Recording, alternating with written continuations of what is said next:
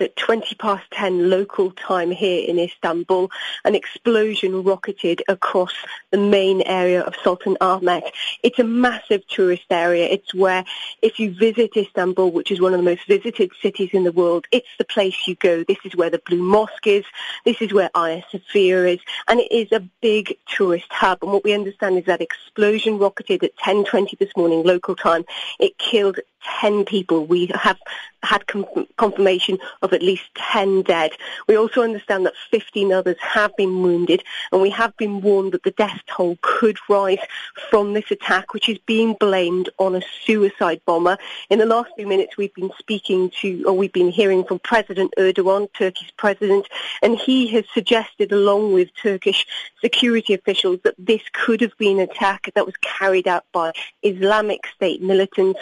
Let's not forget that Turkey is involved in that US-led coalition against Islamic State. And of course, Syria borders Turkey. Areas which Islamic State have controlled in Syria are on the border with Turkey. And it's still unclear who was responsible for the attacks. Yes, that's right. Nobody has yet claimed responsibility for this attack. Um, as I mentioned, the Turkish president, along with two senior members of Turkish security sources, have blamed IS for this attack, but that is just speculation at this point. But what we can tell you is that amongst those who were killed today, we understand were six German tourists and four locals.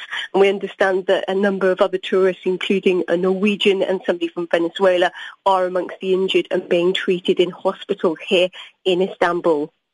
And the area in Istanbul where this explosion now happened, what's happening with security and that type of things? Well, the area where the explosion happened was about 25 metres away from the Blue Mosque, which is that huge tourist attraction where around 10,000 people come to visit and pray there every day because it is a work, working mosque. What we understand is the area around that explosion has now been cordoned off. The bomb squad are there. They're going through that piecemeal by piecemeal to see what evidence they can find out about this attacker. Now, we do understand, again, this is from a press conference from the Turkish president, that suicide bomber was of Syrian nationality, but we can't confirm whether it was a male or a female. And it's worth pointing out that a year ago, almost today, a female suicide bomber actually blew herself up at a police station very nearby this area. So it, it, it's a significant development today.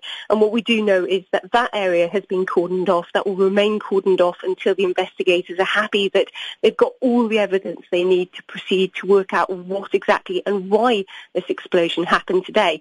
But elsewhere around there, this is a major tourist hub and already they've opened the local metro lines and people are trying to get around their daily business as they'd expect to be on what is another busy tourist day here in Istanbul.